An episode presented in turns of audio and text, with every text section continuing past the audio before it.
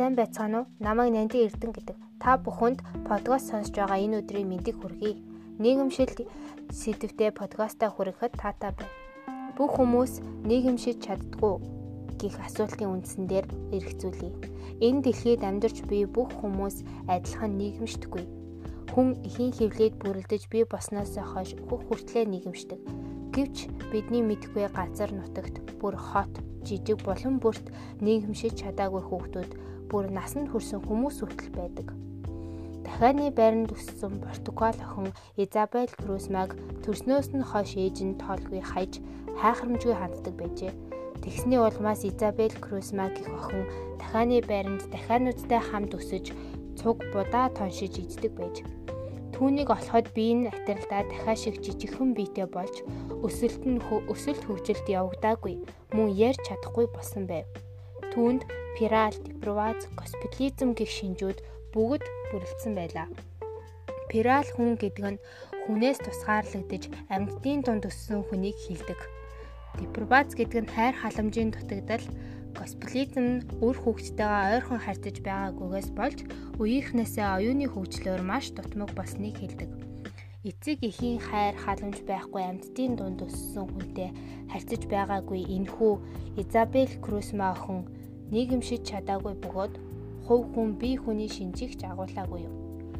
Хүн нийгэмшилтийн нийгэмшилтийн үе шатуудыг дамжин нийгэмсээр байдаг. Анхдагч нийгэмшил буюу дасан зохицлын шат Энэ үе нь хүүхэд төрсэн цагаасаа эхэлж өсвөр нас хүртлээр нийгмийн туршлагыг шүүмжлэхгүйгээр хүлээн авдаг. Харин бодгоолчих шат нь нийгмийн хэм хэмжээж шүүмжлэлтэй хандаж өөрийгөө бусдад илэрхийлэх хүсэл эрмэлзэлтэй болдог. Бие хүний шин чанар доктортой бүрэлддэг үе юм. Интеграцийн шат нь нийгэмд эзлэх байр суурь суурьа эрен хайх үе Хөдөлмөрийн шат нь нийгмийн туршлагыг хэрэглэх төдийгүй түүнд нөлөөлөн бүтээлцэж хөдөлмөрлөж байдаг.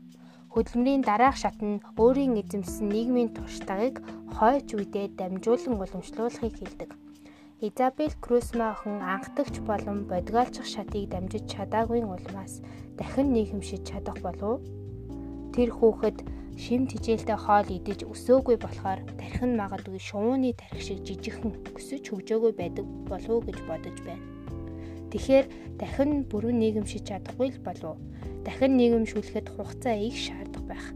Эхлээд гадаад үзмжийн янзалж дараа нь шим тижээлтэй хоол өгч эрдэс бодис нөхөх витамин хийж тархин тижээгдсэний дараа сэтгэл зүйд нь ойлгуулан ярилцаж дасгах хэрэгтэй хитрхи зэрлэгшсэн хүний аминд хүрэхээс буцахгүй хүнийг сэтгцийн эмнэлэгт хэвтүүлж нийгэмшүүлэх хэрэгтэй гэж үздэг. Гэхдээ үүнийг би дэмжихгүй. Яагаад гэвэл амьдрал ямар ч амьтныг харанхуй хайрцаг шиг юм нь хориод байвал улам л зэрлэг болно. Тэгснээрээ нийгэмшихээсээ ч илүү бүр дор зүйл юм. Дахин нийгэмшилт гэдэг ойлголт нь олон төрлийн үйл ажиллагааг ч хамаардаг бөгөөд урд дутуу эзэмссэн буюу хоцрогдсон арга барил үүргийн оронд шинэ үнэлэмжтэй болохыг хэлнэ. Тухайлбал сэтгцийн эмнэлэг дахин нийгэмшлийн нэг төрөл юм. Үүнийг ашиглан хүмүүс өөрсдийн зөчлийг ойлгох, ингэснээрээ зан төлөвөө өөрчлөх, өөрийгөө төлөвшүүлэх ордлогыг хийж болдог байх нь.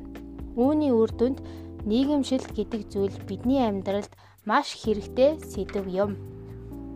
Зарим хүмүүс яах вэ? Хүүхдүүд зөнгөрөөл өсчихдөг юм гэсэн хандлагатай байдаг.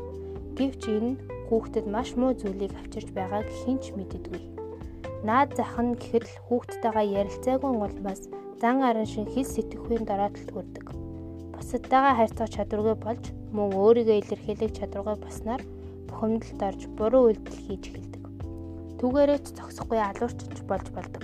Тийм ч учраас нийгэмшилтэд гэр бүл эцэг эхийн үүрэг маш чухал нөлөөтэй юм. Подкаст сонсож анхаарал тавьсан явдал баярлалаа.